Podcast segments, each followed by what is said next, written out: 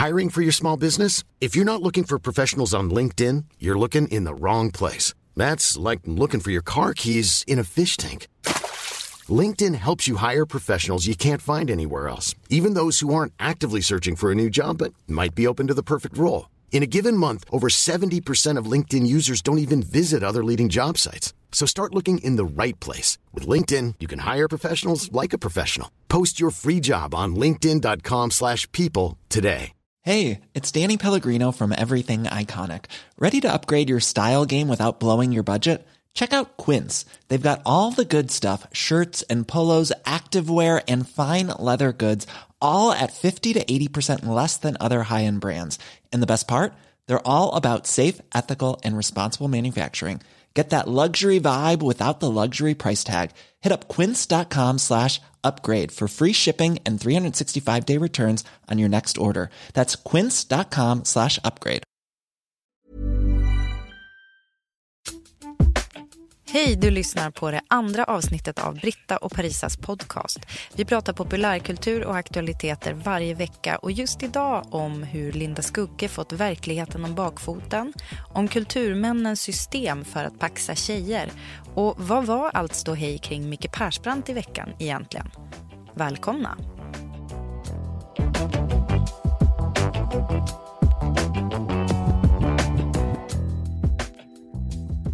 Det här är inte fejk. Britta sitter utan bralla på stol. utan här bralla. är vi i studion. Mm, det är sant, för att jag inte ska sitta och gneka så mycket med min läderbyxa Mm. mot stol. Idag har jag varit i Lund, Som man är. i Musikhjälpen-buren. Och du ska dit ikväll. Alldeles strax. Ja, fast det här, är ju, det här spelar vi ju in många dagar innan den här Men vi podden kan släpps. säga det. Det är tisdag idag.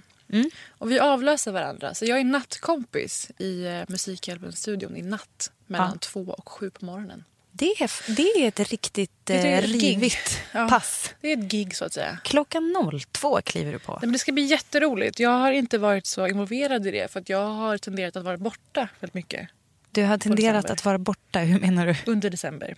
Under december? Jaha, så att du har Ehm. fått frågan tidigare men har inte kunnat? Ja, jag är ofta bortrest eller förstår. jobbar Oj då, busy bee. Som man är.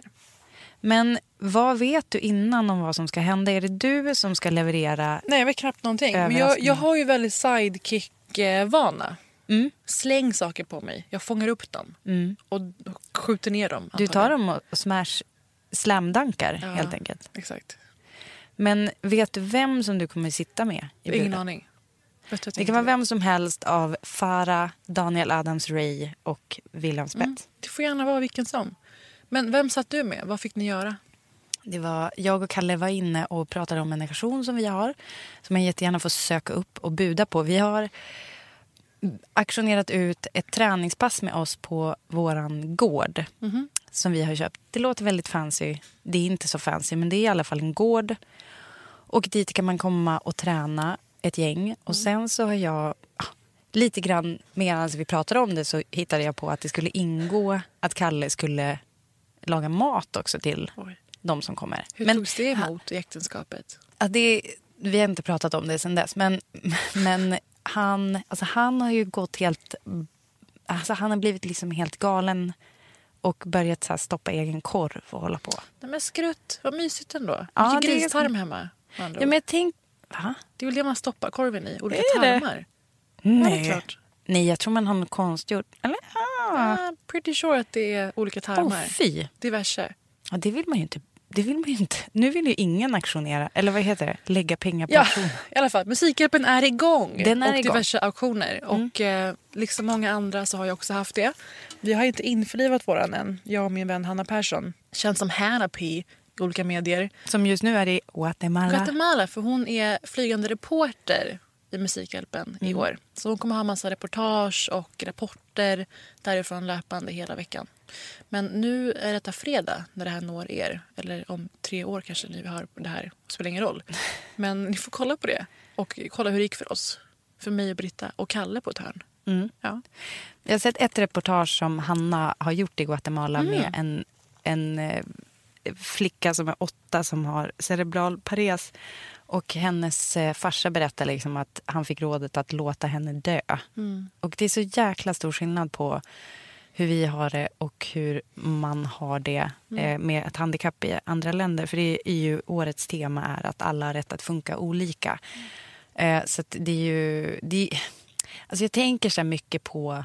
Hon kommer se... Alltså hon gör liksom, det är ganska starka reportage hon gör.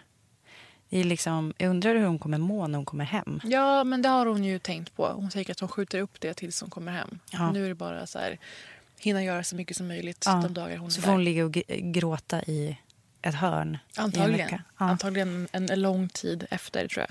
Men det är också väldigt mycket fint. Hon verkar jätteglad. Ja. Så det tror jag kommer bli jättebra. Ska jag säga en sak som oroar mig lite? Mm. Så känslan nu... Det har ju alltid varit så att de har slagit pengarekord liksom varje Ja. år efter år. Fick känslan nu att de inte kommer göra det. Varför då? Jag vet inte. Du, di- din, Jag tyckte stämningen var så här... Men du vet när... Alltså, mu- din, liksom, ditt tips för den här veckan är Nej. att de kommer inte slå. Håll utkik efter det. Nej, men alltså jag säger en oro så att folk måste watch out och Ja. göra allt de kan för att ge pengar. Nej, men jag fick så här känslan av... När det, var, ju- det var ju Umeå förra året Mm. och då var jag där för att mina föräldrar bor där och för att min man var inlåst i buren. Just det. Och mm, liksom för att få hjälp med barn och sådär. Och då var det liksom i alla butiker man gick in, allting var så, det var som att hela staden så puttrade av Musikhjälpen. Mm. Och nu när vi var i Lund så var det så här, går, går du in på en butik som ligger så här gatan mitt emot torget så är det så här, då, då märker du inte Så att det är staden Musikhjälp. Lund är liksom inte... Den vibrerar inte eh, av Musikhjälp. Men är det för att de är akademiker och studenter? Och... Jag tror att de är snobbar. Ja. Och du sa det rakt ut. Jag sa det rakt ut. Tack, vad bra. Men det, det blir en spaning vi kan plocka upp nästa vecka när vi vet hur det har gått. faktiskt. Vi får se hur det Ja. gick. Du, eh, jag vill säga en liten uppföljning från förra podden. Kul. Det här sånt. med white saviorism. Ja. För allas vår favorit, Carolina Gynning. ja. Eller hur? Vi skriver under på Otrolig favorit. person. Ja. Otrolig person. Hon har varit I Och- Ghana. ja, och grävt brunn tillsammans med ett eh, något så vattenflaskmärke. Ja. Eh, orkar inte ge dem utrymme. Men hon har då blivit duktigt påhoppad i kommentarsfälten. Och det här tog Och svarat liksom själv, vilket jag tror att Margot inte hade gjort när vi pratade om det här sist. Nej, precis. För vi pratade ju om det faktum att Margot Ditz var med Läkarmissionen i Kenya och eh, uppmärksammade det arbete som de gör för eh, att motverka könsstympning och, och eh, fick en massa skit i kommentarer att hon liksom...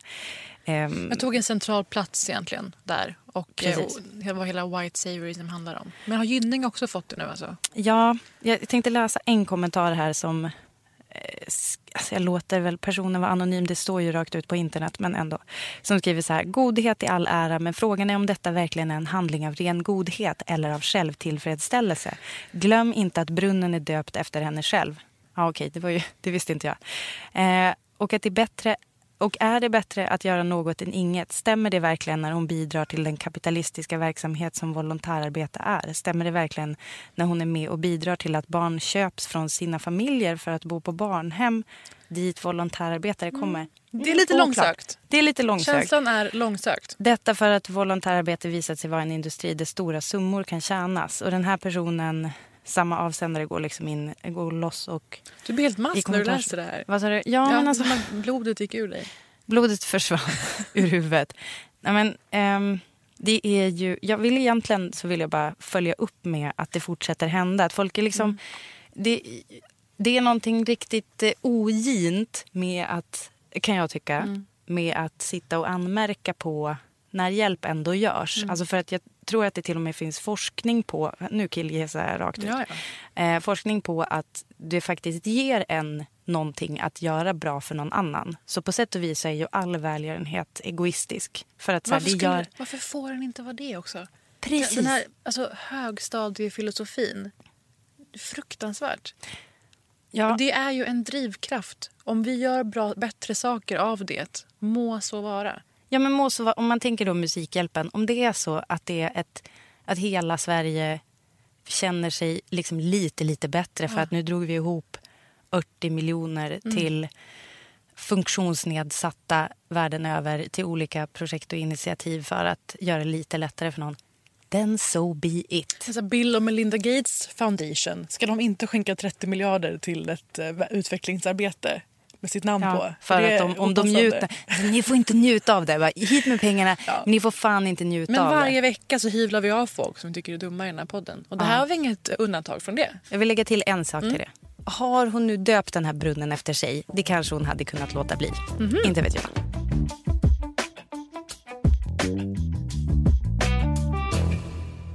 Men alltså att du nämner Gynning, vilken, vilken fröjd. Så mycket content från en person på en vecka. Eh, vidare om detta. Någon måste installera Gynning som naturprogramledare Vadå, du, omedelbart. du har också gynningsspaning? Reporter på savannen, tack. What's that? Crocodile? It's a crocodile. Oh my god. It's a crocodile. It's a, alltså, ett ord Det- man inte visste att det Klippet- rådde någon slags osäkerhet kring.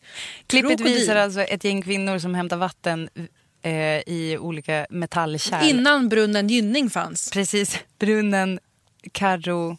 Karo Gynning som den heter. Ja. Ja. men då får i alla fall de här människorna bara pekar över sjön lite lugnt sådär. Och Mm. Gynning bara What is this shit?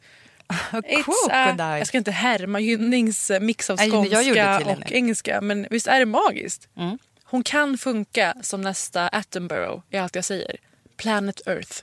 Sen har jag observerat... Vad säger man? Alltså jag, har inte ens, jag har inte läst en intervju. Jag har bara sett ett omslag av senaste holländska Vogue. Det ska vara otroligt ytliga det här är yt- researchmetoder. det här är på ytan. Ja, nu kör vi. Nej, men då har vi It-girlen Veronica Heilbrunner. Vet du vem det är? Det låter bekant, sjukt Ja, nog. hon är, jag kan inte berätta annat än att hon är typ it-girl. Alltså hon är så här, typ mode, mode-instagrammare. Okej. Ja, som hon är. i alla fall, hon pryder omslaget av holländska Vogue med Motivet är liksom att hon sitter och vaggar sin unge i en sån här babysitter. Mm. Och jag känner så här, är det här nästa utveckling av... Först var det gravidomslaget Ja. med klassiker som Demi Moore på 90-talet. Naken från sidan. Naken från sidan. En ganska klassisk. Britney har också gjort en sån. Kourtney Kardashian. Mhm. Sen hade vi amningsomslaget. Jag faktiskt tror att Elle var först. Alltså någon så upplaga av Elle, kanske brasilianska Elle, oklart. Och sen nu är det här det nya. Liksom visa att det finns en verklighet även efter det där typ lite sexiga. För det är ändå någonting så här hett med att vara gravid och det är något liksom lite så här, åh, starkt och kvinnligt att amma. Men att så här, det Babysittern, harva på Det hemma. är vardagstristessen. Ja, Det är och det. att vara fånge i sitt eget hem tillsammans med sin bebis. Min bild av babysitter är eh, sitta på toa och bajsa och behöva ta med sig babysittern in. För att man kan inte lämna den i fred. Nej, men Den. jag skulle vilja vända på det där och säga vilken lycka det är när man kommer på att man faktiskt kan gå på toa för att man har en babysitter. Alltså annars, annars måste du sitta och hålla i barnet typ medan du bajsar. Åh, fantastiskt! Vad Obs har det inte gjort. Nu, Men- nu la du på fem år till till mitt barnlösa liv. Ja, men alltså för att det här är ju en grej. För till exempel allas vår favorit eh, Leandra Man Repeller. Hon har ju fått tvillingar och det, hon har liksom gjort en grej av det här. Att hon bara, jag ska ingenstans men jag tar en selfie av min outfit i hemma. Alltså att hon liksom så här, fångar i sitt eget hem som man blir med barn. Och det är ganska kul att man liksom börjar lyfta på locket lite av det där och bara, halloj. Men hur mycket diskbänksrealism var det i det här omslaget egentligen? Nej, men alltså, Var hon, har ju snygg, alltså, hon har ju en snygg outfit. Men det är fortfarande att hon sitter på golvet och gungar en babysitter. Ah, ja, nästa grej. Jag har under helgen inte gått på Lawrence Hill. Lor- Alltså, Lawrence. Varför, varför Har ni jag? om Lawrence Hill? Det är en, kor- en eh, liksom, countryartist. Lawrence Hill. Hans nya album Nashville-doftande. Ms. Lauren Hill. Miss Lauren Hill. är ju nu på sin 20-årsjubileumskonsertturné för släppet av hennes album The Miseducation of Lauryn Hill. Har är det- skiva som eh, jag har på vinyl och skäms minst för att jag har på vinyl. Ja, men jag tänkte precis fråga dig, för att vi, du är ju mycket yngre än mig. Så jag tänkte fråga om du ens har liksom någon relation, för jag var ju typ 16 när den hur, släpptes. hur understår du dig? Detta Jo, är men- hela fundamentet i hela min gärning skulle jag säga. Ja, Så är det. Men- så pass är det. Så jag såg henne för några år sedan på jazzfestivalen Mm. på Skeppsholmen. Hur var det? Det var religiöst. Var det det? Ja. Men du var inte där. Är det din spaning var? Min spaning, nej, alltså jag hade biljetter Ja. till hennes spelning i Köpenhamn. Köpte alltså direkt de släpptes. Mm. Kunde på grund av olika omständigheter som jag inte orkar gå in på så kunde jag inte åka. Och jag har sörjt detta under helgen. Och Men jag älskar när man är optimistisk så här, ett halvår innan Ja. och köper biljetter till en destination concert. Alltså någonstans Ja, men- längre bort. Oslo, Köpenhamn, inte vet ja. jag. men Köpenhamn är väl inte så här Men jo, men folk gör det. London, Ja. som nu med Spice Girls nästa år. De Ja. kör ju i eh, Storbritannien. Precis då så är det ett bröllop vi ska på massa vänner i Italien. Men då har jag blivit lack och varit så här, men vi åker till Edinburgh fan helgen innan. Vi måste göra det här. För att man får ju den pressen. Det är värt att åka dit och ta en weekend. Men den optimismen sen veckan innan eller vad fan det nu är. När man bara just det, jag måste boka flyg. Att det känns och... jobbigt. Då blir det jobbigt. Ja. Man gör en fälla åt sig själv. Ja, men det var, det var inte så mycket så här, "Åh, det känns så jobbigt. Men i alla fall så, eh, jag vill bara att vi ska så omfamna det faktum att den här skivan är ju fantastisk. The Miss Education of Lauryn Hill, där hon, jag skulle vilja säga, inte bara är typ, både visar att hon är en av världens bästa sångerskor och liksom svinbra-rappad. Det kanske inte kommer fram jättemycket på den skivan, framförallt med Fugees innan. Men framförallt så är det en, hon är så fruktansvärt woke. Eller typ så här, så, det är så klok skiva rakt igenom. Och framförallt när hon reflekterar så kring alltså, låten om Zion där hon ju som, alltså hon var ju så på toppen av sin karriär eller liksom eller på väg upp som ett jädra skott. Och sen blir gravid mitt i och vilket hon ju också sjunger om att folk rådde henne att liksom, alltså Lauren baby use your head. Men hon följde hjärtat istället. Vet du hur gammal hon var när hon skrev det här? Nej, 22. starkt. Alltså den människan. Det är ju faktiskt helt sjukt. Sen så hände det ju inte så mycket efter den där. Det blev ju ganska knäpptyst och sen så kom det ett halvdant unplugged album.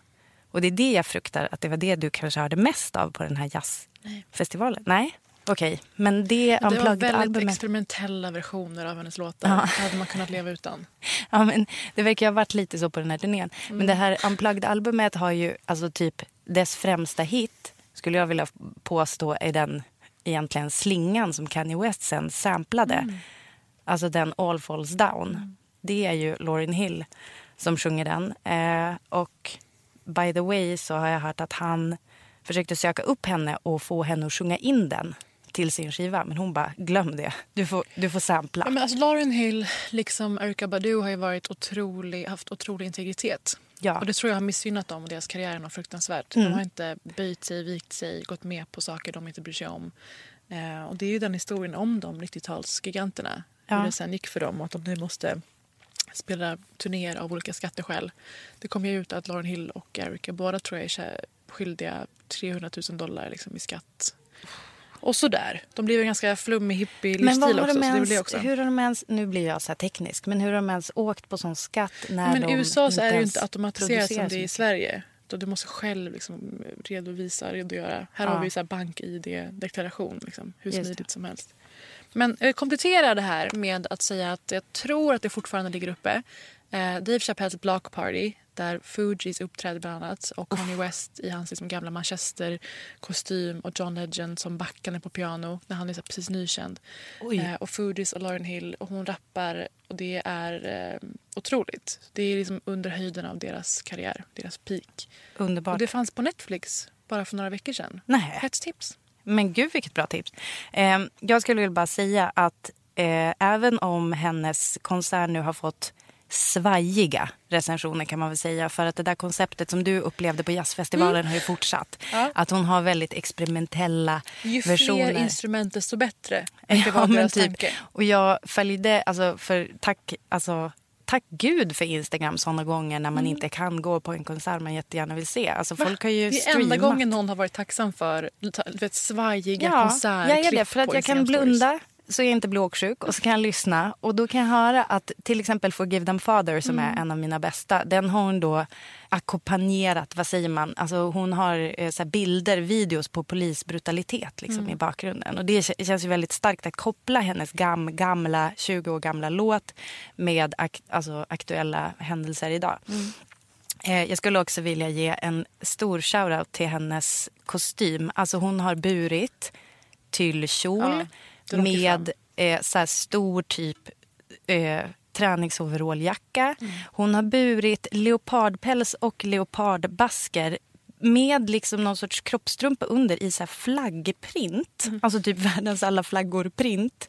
Alltså hon, jag tycker det är så fantastiskt att hon bara kommer upp ur sin håla i jorden och ändå visar på något sätt alltså på hennes enorma star quality och faktiskt också kan vi enas om att Lauren var Beyoncé innan Beyoncé var Beyoncé? Jo tack. Alltså helt utan den eh, nyttiga konformism som Beyoncé ändå sitter på. Att hon kan liksom utröna att så, här, nej, men jag behöver ha tre Taylor Swift-låtar på den här skivan för att den ska slå. Ja. Hon, hon är ju mer eh, affärscynisk, Beyoncé. Verkligen. Nej, men jag älskar den jäveln. Ja. Tack Lauren. Tack Lauren.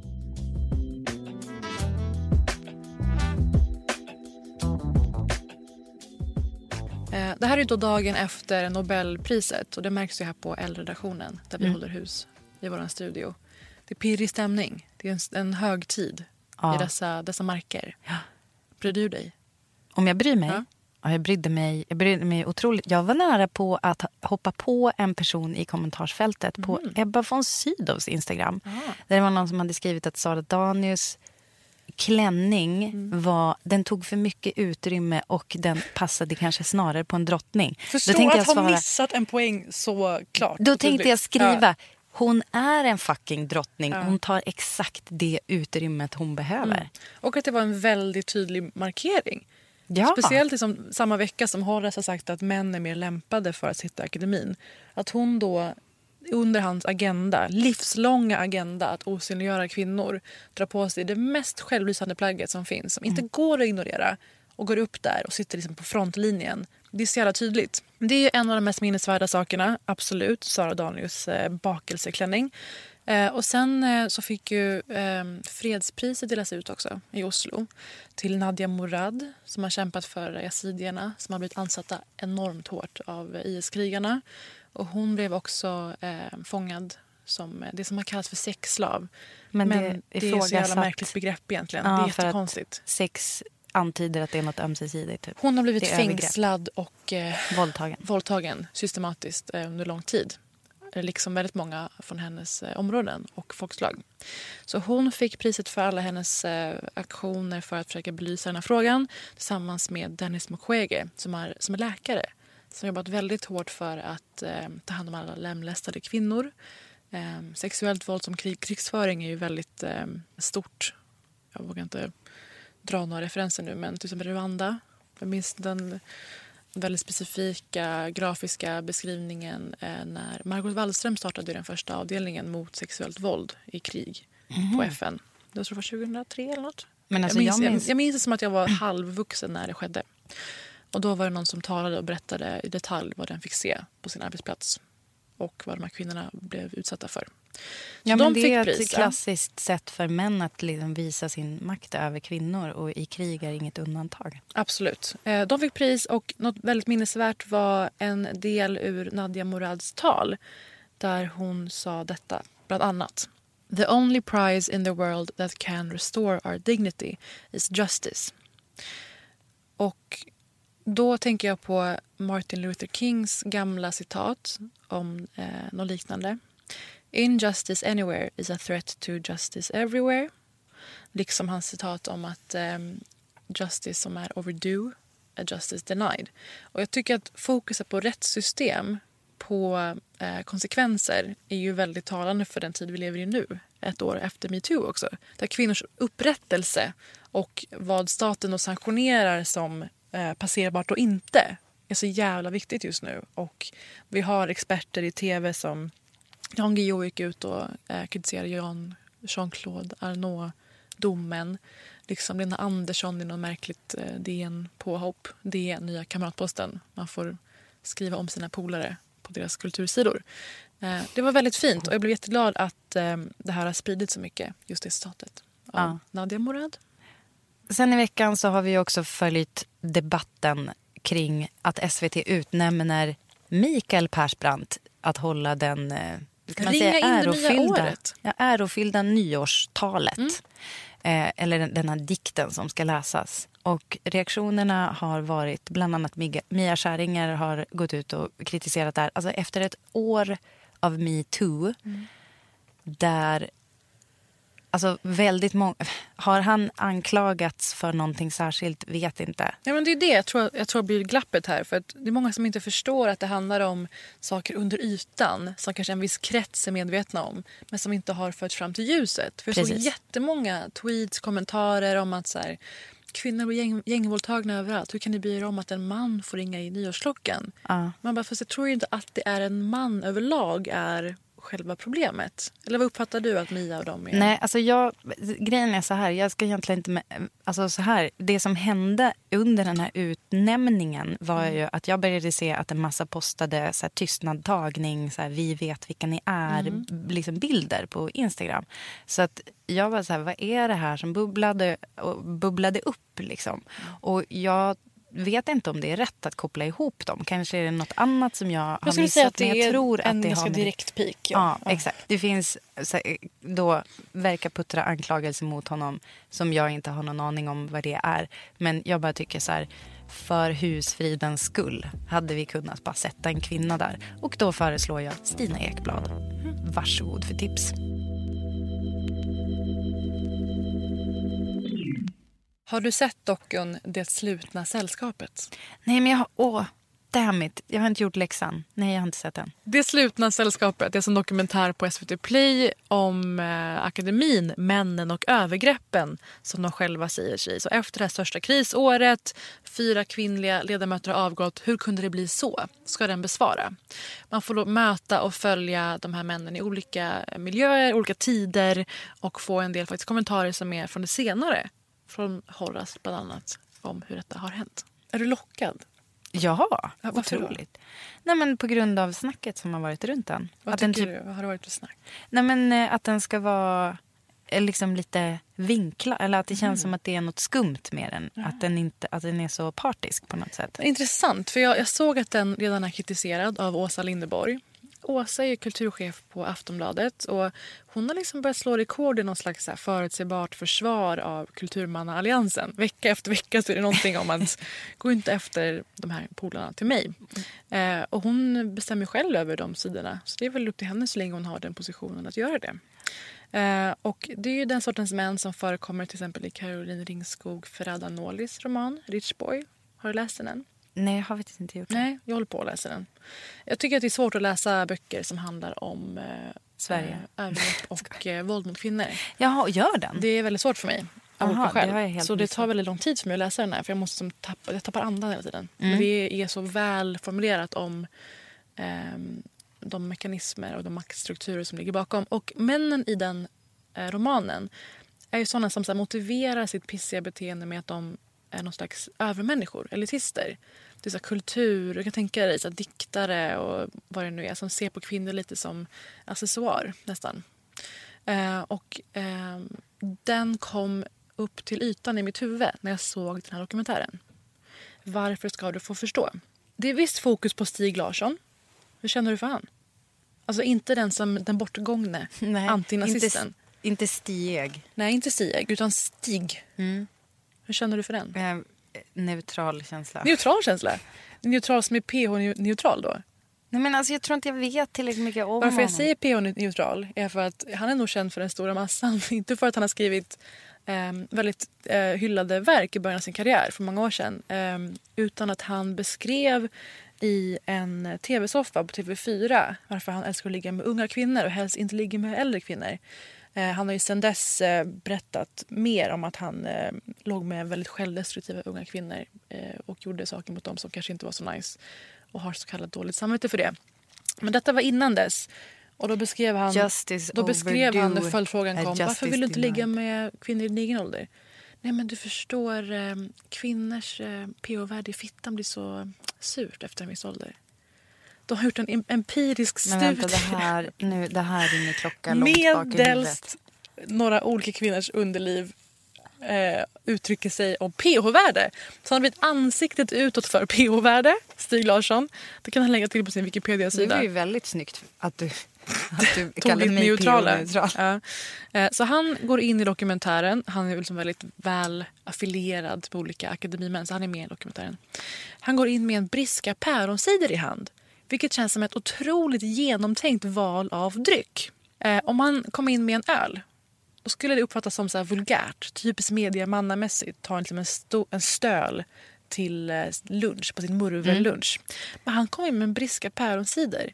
För liksom, en päronsider är ändå halvvägs till en harmlös sockerdricka. han, vill, han vill ju verka... Vet vi liksom, alkoholhalt på den här? Jag skulle säga 4,5. Mm, mm, ändå. Eh, så han går in med den. Och redan där så känner jag att det här kommer bli något. du förstår ju min reaktion. För när jag tar en cider, det är när jag liksom inte vill bli full men jag vill heller inte dricka ej alkohol. Nej, jag förstår. Och jag vill verka Mm. som att jag inte är intresserad av alkohol. Utan jag bara dricker. Nu ska Mm. jag sluta. Är det här kanske tidigt på dagen också? Ja, det är det. Det är Ja. Mm. strålande sol bakom. Så jag upplever klockan som 14.00. Mm. De kanske är på hans favoritbar på Lilla Essingen. Eh, Rosa På Lilla någonting heter den. Ja. Va? Min vän Kristoffer Ahlström bodde där förr och såg honom där ofta. Jag har bott där. Vad Jaha. heter baren? Någonting med rosa. Ja, ja, ja. Vad heter den? Det är ju är ganska sunkig. Ja, Ja. där i alla fall. Med en eh, briska päron som sagt. Oj. Inte vår sponsor i det här avsnittet. Nej, alltså deras märke kommer devalveras. Jag drack i och för sig en, en briska päronsider på Idolfinalens efterfest i fredags. Mer om det i ingen podd någonsin. Briska päronsider, hör av er om ni vill sponsra podden. Fortsättningsvis dok innehåller dokumentären bilder på Horra som ung. Spaningar. Väldigt lik Keanu Reeves. Nej! Jo, nu ska du få se. För mig är det mycket som står på spel. För det är liksom, vänta, jag kommer inte titta Men än. För jag måste se hur mycket det är som står på spel. Det är så mycket, alltså Keanu Reeves var ju liksom en av mina nummer ett eh, pirrar till objekt i ungdom. Mm. Ett ungdomsdagar. gnugg-objekt till och med. Vad sa du? Gnugg-objekt. Ja men så visa nu du om du kan förstöra det. Otroligt. Kan du förstöra det med Horace? Här är Horra som ung, bland annat.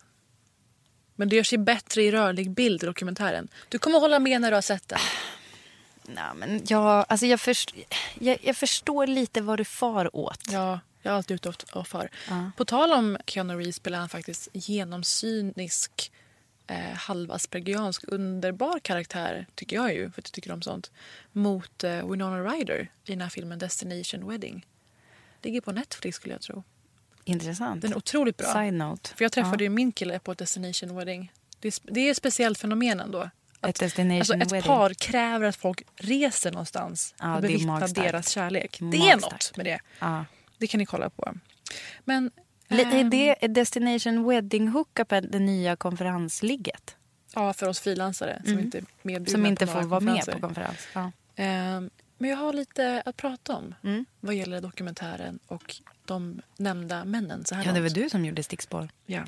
Och det viktigaste som framgår är ehm, Stig Larssons självbild. Vilka tjejer han tycker att han förtjänar. Tänk bort ytlig skönhet. Tänk bort så här det jag kallar för Baywatch-tjejer. Miss Universum. Tänk bort det. Utan ta, ta istället de, de tjejer som är med i Polanski-filmen. Eh, Twin Peaks. Som är mer söta än snygga. Det är De typerna av tjejer. De är ju ännu mer feminina, ännu mer sexiga. Stig Larsson ber alltså eh, reporten tänka bort Miss Universe-tjejer vad gäller tjejerna som han hängde med och kanske fortfarande hänger med. Men alltså vad är det här apropå vad? Alltså, Det här, vet alltså, hur- det här utrymmet till att han får berätta vilka tjejer han går igång Ja, på. man hör också hur han blir lite fuktig i strupen när han pratar om det. Undrar hur hans pH-värde står sig under den här eh, pratan. Eh, Basiskt. men han gillar snarare söta än snygga tjejer och han delade alltså kvinnotyp med Jean-Claude Arnault. Det som framkommer allra tydligast och är en otrolig eh, skräll och icke-skräll skulle jag säga är att de visst har en otrolig förståelse för samtycke och ovanpå det ett ordentligt system för det. Nej men alltså vi hade kodsystem helt enkelt är som det vi förklarar, om, vi, om, vi, om jag gillar verkligen en tjej, då, då, använder vi olika färger som ingen fattar någonting. Vi säger blått då, va? man pratar om haven. Så det- Man kan ju komma in i vilket jävla sammanhang som helst. Och den andra fattar omedelbart. Och de hade då, berättade han, ett färgkodsystem för att rangordna tjejer eller liksom dela in tjejer.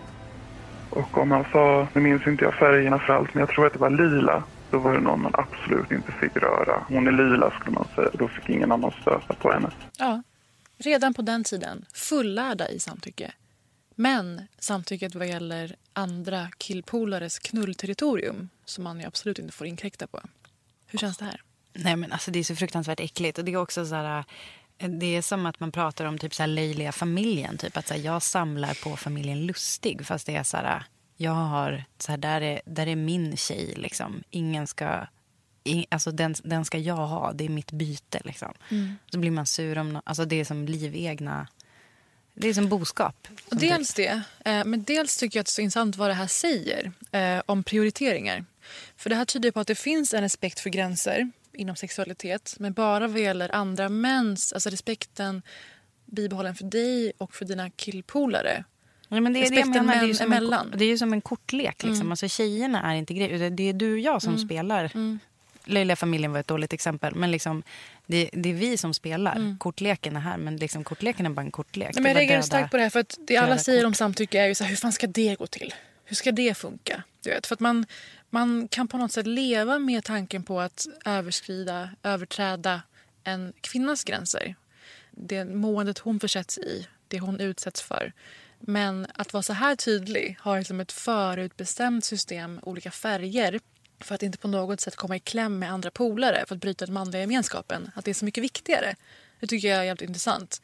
Eh, De är så långt framför den eh, nutida samtyckesdiskussionen redan då med sin färgindelning egentligen. kan man ju inspireras av. Men som sagt, de var pionjärer vad gäller samtycke. Stig, Jean-Claude Arnault och Horace och gänget. Och på tal om Horace då. Det är ju vår tids eh, mest tyvärr fascinerande person. Han är också med i den här. En del även med Stig. De verkar vara kompisar så kanske inte hänger så mycket längre. Kollar. Ett av de mest spridda citaten under den här tiden handlar om en intervju med dig i Dagens Nyheter för drygt två år sedan där du sa att kulturprofilen citat lever det goda livet, han är nästan ensam om det, den enda som har förstånd. Och sen sa du också att han skulle kunna ha en stilskola för unga män. Det jag sa i intervjun handlade naturligtvis inte om sex. Det är ett ämne jag aldrig diskuterat med, med Jean-Claude Arnault. Vi grabbar talar inte om sånt. Det är så äckligt att de kallar varandra för grabbar. Di- Direkt Grabbarna efter, ja, direkt efter Stigs eh, uttalande, hans eh, föreläsning om färgsystem så kommer alltså Horace att säga att de aldrig talade om sex sinsemellan, vi grabbar. Sanningshalt på det, Britta. Hur känns det? Mm, det känns eh, starkt... Den, känns ifrågasatt just nu. Det känns ifrågasatt. Ja. Det är under lupp i detta nu. Och Vi tog ju upp Horace förra veckan. Det kanske kommer att bli en röd tråd i den här podden. Men då var det apropå Alex. Alltså snälla låt det inte vara det. Men Kanske. Ja. Jag känner fan det.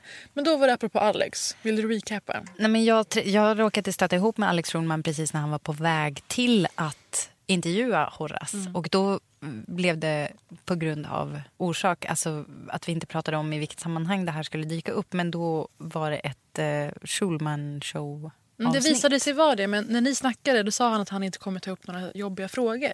Han sa att anledningen varför han trodde att Horace hade plötsligt ställt upp på en intervju. Mm. Eh, som har, han har ju varit tyst länge. Och Mm. då, varför han överhuvudtaget gör en intervju med Schulman var, trodde då Alex att det var för att han visste att han inte skulle ställa de jobbiga frågorna. Typ. Ja. Men, Men- blev det så då? Eh, och det här spelade vi in innan det avsnittet har sänds faktiskt, eller publicerats. Så vi vet ju inte reaktionerna på eh, show-avsnittet och så vidare. Men jag har lyssnat på det. Jag har hört det. Ja. Och jag tycker att han absolut ställer en del hårda frågor. Bland annat om att eh, Jean-Claude ju visst är dömd i en rättegång. Eh, Horace envisas med att gång på gång underminera domen mot honom. Nu är han även dömd i dubbel, dubbeldom kan man säga, i högre instans. Och sen så gick han också på om Horace karaktärsmord i princip av Sara Danius. Samtidigt som Horace säger att de ska inte få uttala sig offentligt om det som försiggår i akademin. Men så var han den som gjorde kanske det störst uppmärksammade eh, den här texten om att Sara Danius är sämsta ständiga Sekreterare. sekreteraren sedan 1786. Jajamän. En evig mening redan. Mm, det är verkligen. ett Det är faktiskt ett av få årtal jag kommer ihåg. Alltså, så här, kan Ja. inte typ olika regenter i Sverige, men kan 1786. Och så apropå då Sara Danius sommarprat som ju var en, en enda burn av Horace. Otroligt välformulerad eh, burn av honom. Då sa hon någonting om att vi får se om Horace ens blir ihågkommen. Och om det är för något så är det fan för 1786. Sämsta sen. Eh, Det mest parafraserade skämtet på Twitter i år. Men i övrigt så försöker Alex få en stol i akademin och kanske lite väl lätt faller för Horace härskartekniker. Berättar honom i ordval och går på kanske hans liksom författarnerv lite grann. Men det var en intressant intervju och jag tänkte eh, berätta lite lärdomar från den. Mhm. Och jag tror att det kan vara en nyckel om man inte själv orkar lyssna på den. Vilket jag Jättebra. förstår att man inte gör. Låt oss vara ditt filter. Mm, absolut. Lyssna med oss ihop. Lärdomar om Horace från Schulman Show-intervjun. Nummer ett. Han är kapabel till självinsikt och ursäkt. Och så börjar jag gå över kyrkogården där mellan, mellan Börshuset och Storkyrkan. Och då kommer några eh, reportrar och försöker springa ikapp mig. Och jag ökar tempot och de ökar tempot. Och, och då blev jag liksom helt enkelt förbannad. Jag, jag är ledsen över det. Jag, jag, jag tappade humöret. Det är enda gången jag har gjort det. Och vad- vad eh, då skrek åt någon stackars eh, jäkel där som ju naturligtvis bara gjorde sitt jobb. Det var ju fel av mig, det, det vill jag verkligen säga. Och eh, jag minns inte vad jag skrek. Du ofredar mig eller något sånt där skrek jag. Alltså kort sagt, det, det minst vidriga Horace sagt till någon Men kunde alltså- han be om ursäkt för. Ja, precis. Men alltså, obs. Alltså inte typ så här, dra åt helvete, utan du ofredar mig. Det är så här, jag ser framför mig hur hans nästa move, hade den här reporten gått på, hade han tagit upp så här, en handske ur fickan och liksom gett honom en lavett typ. Ja, otroligt. Men det här är också ett, ett typiskt knep i debatter. Att peka på någonting eh, bra, man, eller be om ursäkt för någonting som man kan leva med. Det här är en försvarbar grej, du ofredar mig. En la- ja, okej. Så det är Mm. smart att be om ursäkt för den saken istället för att liksom ta lite, lite stråka sig ut för någonting annat. Vidare då. Lärdomar om Horace från Schulman Show. Nummer två. Ett drev kan förlänga livet. Jag kommer ihåg när jag såg bilderna utanför Börshuset eh, där när det var som mest kaos och det Ja. var reportrar som högg efter dig Ja. eh, och du hade på dig ett par... Sle, slet i mig skulle jag vilja säga. Ja, de slet i dig.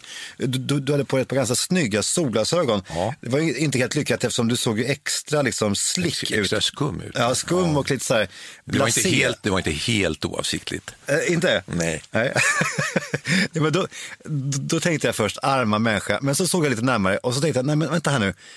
Jag tror Horace njuter lite av det här också. Ja, Ja, jag måste erkänna att jag gjorde det. du gjorde det? Ja. men, men berätta, hur var det? Nej, förlåt. Det är hemskt att säga sånt där. Men jag menar, ändå, det är, ju- det är ju dramatik, det är ju livet. Va? Eh, och, och jag måste säga att jag, jag blev lite uppiggad över att få eh, alla de här angreppen på mig, om jag ska vara riktigt ärlig. Alltså det, att, vara, att känna att man, nu är jag landets mest impopulära person. Det är inte det är inte helt obehagligt.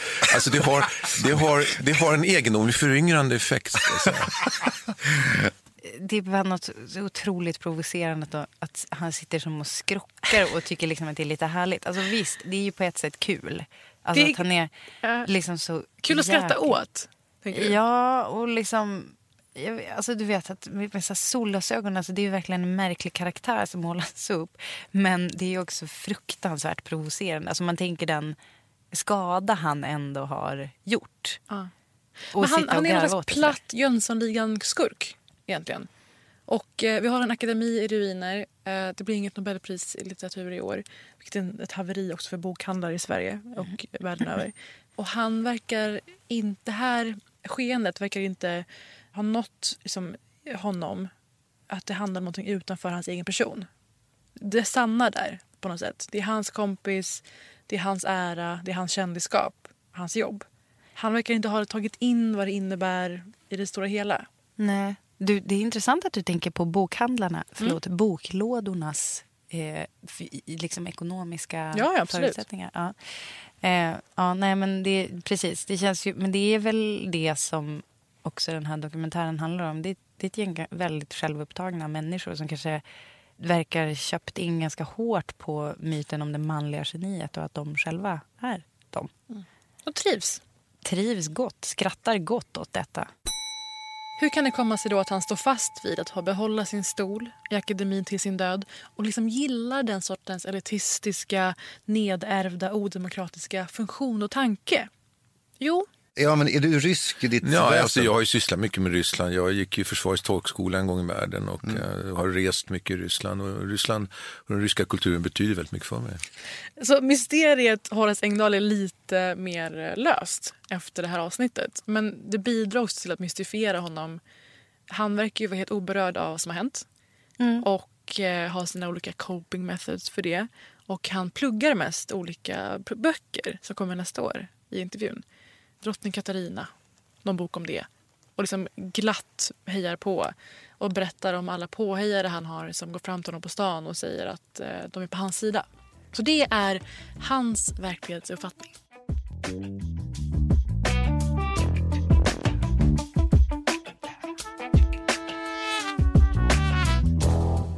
Jag har i helgen läst Linda Skugges text i DN om att hon ska sluta skämmas för att hon är ordentlig. Ja. Läste du det här? Jag såg att Johan Hilton länkade till den på Facebook. Ja, vad skrev han om jag den då? Att han tyckte om den texten. Ja, okej. Eh, texten är riktad till Kerstin Thorvalls mamma Mm. Tora. Alltså, jag vet inte om Kers- Kerstin Thorvall liksom är ett household name Berätta egentligen. bara. Vad sa du? Berätta, who is it? Nej, men alltså, Kerstin Thorvall är en författare och liksom allmän, eh, vad ska man säga, så här, burdus kvinna kan man väl säga som har, som har tagit plats i, i kulturen i Sverige. Jag känner till henne främst för att jag typ läste henne när jag var så här brådmogen tonnis. Och typ skulle- mest kända är väl Det mest förbjudna som Ja. blev en spelfilm-ish. Långfilm typ på SVT. Exakt.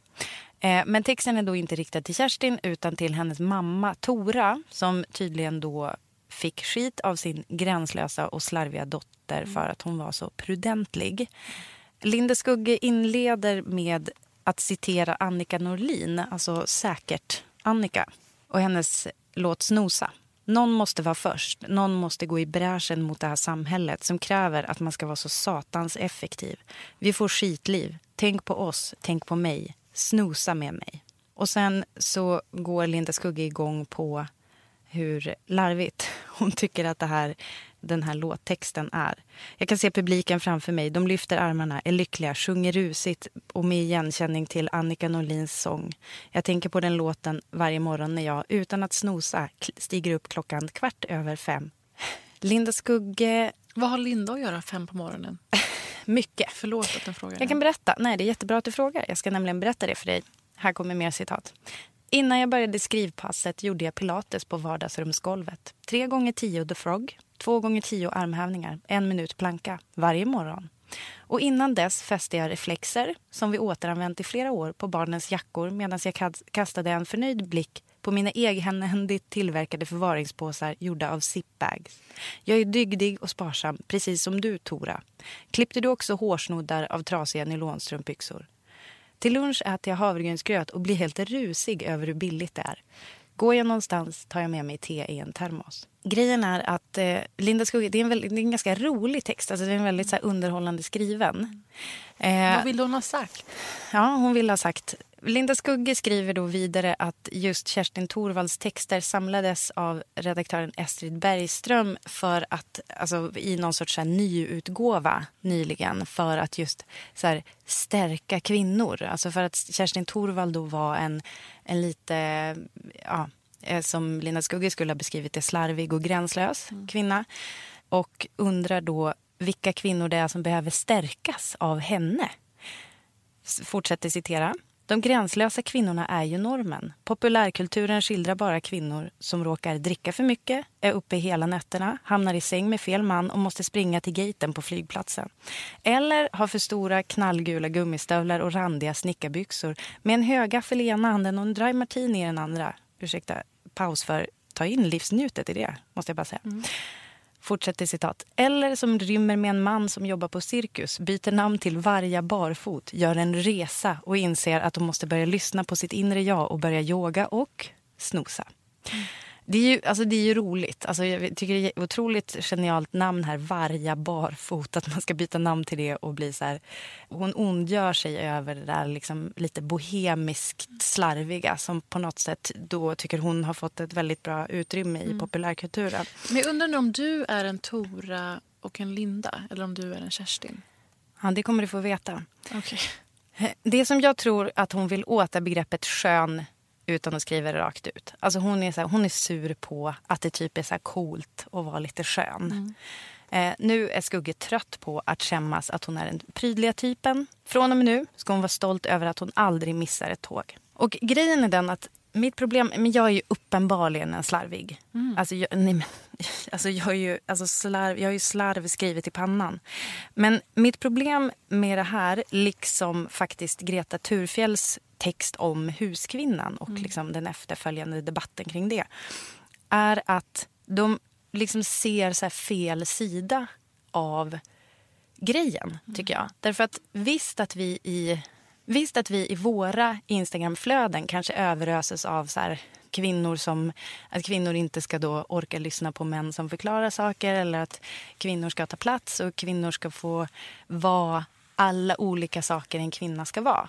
Men så här, ute i verkligheten, i det verkliga livet så är det ju ändå fint att stiga upp tidigt. Det har alltid varit det. Det är liksom en dygd att vara morgonpigg. Skugge skriver att hon stiger upp fem om morgonen och har med sig så te och att hon är så här less över att det ska vara töntigt. Men det har ju aldrig... Alltså, det är ju kanske töntigt i så här, om du går in på en eh, inte vet jag, en kulturredaktion någonstans så kanske det är ett gäng är liksom, kreativa... Vad Alltså, det är ju fabricerat. Det är en redaktör som tycker att det är en, alltså, en rolig spaning. Eh, men sanningen är att populärkulturen är ju snarare så här, eh, all about Jim, alla älskar Raymond. Där kvinnan alltid går ut med en tvättkorg på höften. Hon är alltid väldigt smal och fitt och hennes man ser för jävlig ut. Och hon är den som går runt och härjar och tar hand om barnen, skjutsar. Eh, avsnitt liksom där männen är ensamma med barnen en dag och allt går åt helvete just den dagen för att de inte kan någonting. Det är det normaliserade. Det är grunden. Det är grunden, det är grunden att om det man sitter på ett nu möte... är en motreaktion. Lina Dunham i trosor i sin, på sin soffa i Brooklyn, vad fan det nu är. Ja. Det är en motreaktion, men det är inte på riktigt. Nej men exakt, det är inte det, är inte det som är liksom ute i ute i stugorna. Alltså, om man skulle kunna säga att eh, det är liksom PK att tycka att kvinnor ska också få förklara saker och kvinnor ska eh, få vara slarviga om de är det. Men det anses inte. Alltså, jag vet inte hur många rynkade näsor jag har fått för att jag typ inte vet jag, glömt saker, haft något hål i tröjan. Eller, alltså det är alltid så här som kvinna, om man har så här, inte eh, liksom 100% ordning på allting. Du så som har barn det... också. Vad sa du? Du som har barn också. Alltså det, ja precis. Det är väl, det är väl egentligen det, det, det, det område där jag har mest ordning skulle jag vilja säga. Nej, men jag menar Men- att det är men ytterligare krav på dig då. Mm. Ytterligare förväntningar på dig då. Absolut, men jag känner framför allt så här också för att jag, jag har ju en ADHD-diagnos. Mm. Är så här, det ingår i min diagnos att jag, så här, jag är inte svinbra på Mm. eh, saker som är, ska vara ordentliga. Eh, och det har jag alltid fått skit för. Och, och det, jag, tycker det är så, det, det, jag känner inte igen mig i den här verkligheten då som, där Linda Skugge säger att det är liksom fi, så här fint att vara lite eh, livsunnig och eh, liksom eh, hänge sig åt liksom sina impulser och sådär. Eh, grejen är att det, det kan mycket väl stämma att den här kvinnobilden får utrymme i populärkultur. Det är väldigt lätt att se parallellerna till någon slags Bridget Jones-karaktär. Men jag tror att just det, det, varför sådana kvinnor skildras i po- liksom populärkulturen det är ju just för att då, vi inte får vara så i verkligheten. Alltså, man kan ju också se det så här, vad, en grej som har dominerat flödet på sistone är väl så här att Mia Skäringer har sålt svin mycket biljetter till sin show. Men grejen är så här, Eh, och då kan man ju, om man vill, så kan man ju tolka det som att så här, ja, men nu är det liksom, nu är det bara fritt fram med kvinnor och vara precis hur de vill och vara som tab Tabita eller någonting sånt där. Men grejen är ju att det, jag tror att hennes popularitet, alltså ingen skulle klara av, alltså att sätta en Mia Skäringer-karaktär på en random arbetsplats. Alltså hon skulle bli utfryst. Och det är det som är grejen, att jag, jag, jag känner att det är som en debatt som bubblar eller som kommer i form av olika texter här och där som handlar om att man på något sätt godtar vad som är, finns i vårt flöde som det som faktiskt är i verkligheten. Och det är inte verkligt. Det finns bara i flödet. Och jag menar, i flödet kan jag tro att tjejer är de som har tolkningsföreträde kring sina egna situationer och att liksom, eh, liksom, så här, kvinnor har lika mycket makt. Herregud, jag följer ju flest kvinnor så jag kan ju till och med tro att det är mest kvinnor som får komma till tals. Mm. Men grejen är att idag kom det också siffror att metoo Uppropet har inte gjort någon skillnad inom byggnadsindustrin, eh, alltså liksom i by byggbranschen. De har inte märkt någon skillnad av att alla har liksom gått ut och berättat och hur det är. Och det, det finns liksom inga initiativ men, men, som förändrar. Just det här är ju extra märkligt just för att kvinnor alltid haft rollen som familjens projektledare. Och att det är kvinnor som gör mest obetalt eh, hemarbete. Ja. Så just därför är det så märkligt. Det är otroligt och, märkligt. Förutom, utöver märkligt, bara Alltså onödigt. Ja, men det är ju man fortfarande saker hon... överflödiga. Jag tycker att det är fint, Linda Skugge, att du håller koll på barnens reflexer och fäster dem i arla morgonstund Mm. på dina barns säkert gott reflex beprydda overaller. Mm. Men det är ju någonting inom mig som undrar varför inte din man gör det. Och det är möjligt att, eller din partner som du lever med. Jag, jag tänker om det finns någon sån, jag vet inte vad hennes civilstånd är, skit i det. Grejen är att det är så här, det har alltid varit kvinnans roll och det har alltid varit fint att vara en kvinna som har ordning på sin skit. Så jag jag håller inte med om att det... Så här, nu måste hon bryta sig loss. Nu är hon less på att det är så här fult och töntigt att vara prydlig. Det är bara så här, varsågod, berätta. Sen är det där att hon har med sig en liten termos med te, det är ju jävligt gulligt. Ja. Alltså, och och så här, miljövänligt och allt. Alltså allt jag hör är så här gullig manic pixie dream fast utan manic. Zoe de, Chanel snarare. Ja. Elsa Billgren, fixig, fin. Och det är det beteende som premieras på alla våra plattformar. Tjejer visar upp hur de har, hur de har det hemma. Hur eh, fina Ja. paket de gör till jul. Precis. Allt handlar om att piffa och fixa. Mm. När och har det du är sett en pyntad jul? på Instagram. När har du sett en pyntad julgran på en kill- killes Instagram? Typ den här Mm. säsongen. Efterfråga fler såna. Ja, och då behöver man inte gå ut och säga så här, nu tycker jag att vi, det måste få vara okej att vilja ha, en fin, ha det fint hemma. Nej, det är redan det, är redan det som är fint. Mm. Nej, och det säg, säg vad ni vill, men ni har fel. Min slutkläm i det här är hur som helst att så här, var gärna ordentlig och prydlig Lina Skugge. Det får du absolut vara. Jag säger inte att det är något dåligt med det. Det jag säger är att kan vi för det första bara erkänna att det har aldrig funnits en tid då en slarvig kvinna på något sätt är liksom lika mycket värd typ, i samhällets ögon. Och kan vi också liksom hellre jobba för att bara alla kvinnor får vara det de är. Alltså, kan vi få vara mer saker? Kan vi få vara fler olika roller? Det är inte antingen slarvig eller ordentlig. Det är att vi får bara vara våra personer så som män har varit i alla tider. Slarva på. Jag satt ju i Grammisjuryn förra veckan, liksom många år innan det. Och De kategorierna släpps faktiskt på fredag. Ja. Alltså samma dag som detta släpps. Så det får ni gärna lyssna på. Och så åker jag till USA igen på fredag. Så podden är därifrån nästa vecka och Ja. framåt ett tag. Då får vi lite härliga New York-spaningar. Mm. Och Los Angeles över Ja. jul och nyår. Oj, oj, oj då. Jag har noll intressant. Nej, alltså jag har... Jag vet inte. Jag kommer bara harva på med samma gamla. Förhoppningsvis kommer jag att få tillträde till vår gård som vi har köpt för länge sedan men som på grund av olika tekniska anledningar inte får tillträde än. Så det ska bli svinkul. Kanske får vi podda därifrån någon gång i framtiden. Absolut, det räknar Ja. jag med. Kom, vad, vad kommer du konsumera för kultur i veckan framöver? Alltså jag har en så långa lista nu. Det- Vi kommer behöva göra en årslista Mm. i var, nästa vecka eller nästa, nästa vecka. Mm. Någon av de veckorna.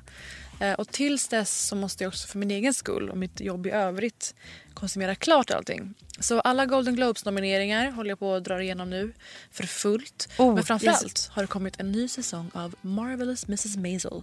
En ung judisk kvinna är hemmafru i New York på 50-talet och det är så snyggt. Och hon tar sig in i stand-up. Det här är på who, riktigt. who stands up for herself by doing stand-up for bra. herself. Så det kommer jag plöja och så snackar vi om det när tiden finns. Du, eh, jag kom på att Kristen Bell har blivit nominerad för en Golden Globe för sin roll i The, Good, Place. Älskar skiten. Älskar skiten. Så det kan man ju titta på om man inte har någon annan serie att följa. I know right? Tack för oss och glöm inte att prenumerera på denna podcast nu när den finns uppe. Äntligen! Puss hej!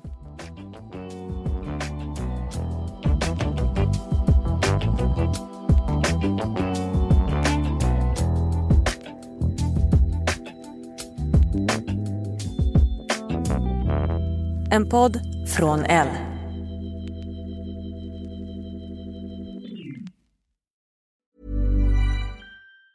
Hey, it's Danny Pellegrino from Everything Iconic. Ready to upgrade your style game without blowing your budget? Check out Quince. They've got all the good stuff shirts and polos, activewear, and fine leather goods, all at 50 to 80% less than other high end brands. And the best part? They're all about safe, ethical, and responsible manufacturing. Get that luxury vibe without the luxury price tag. Hit up quince.com slash upgrade for free shipping and 365 day returns on your next order. That's quince.com slash upgrade. Even when we're on a budget, we still deserve nice things. Quince is a place to scoop up stunning high-end goods for 50 to 80% less than similar brands. They have buttery soft cashmere sweaters starting at $50, luxurious Italian leather bags, and so much more. Plus, Quince only works with factories that use safe, ethical, and responsible manufacturing. Get the high-end goods you'll love without the high price tag with Quince. Go to quince.com/style for free shipping and 365-day returns.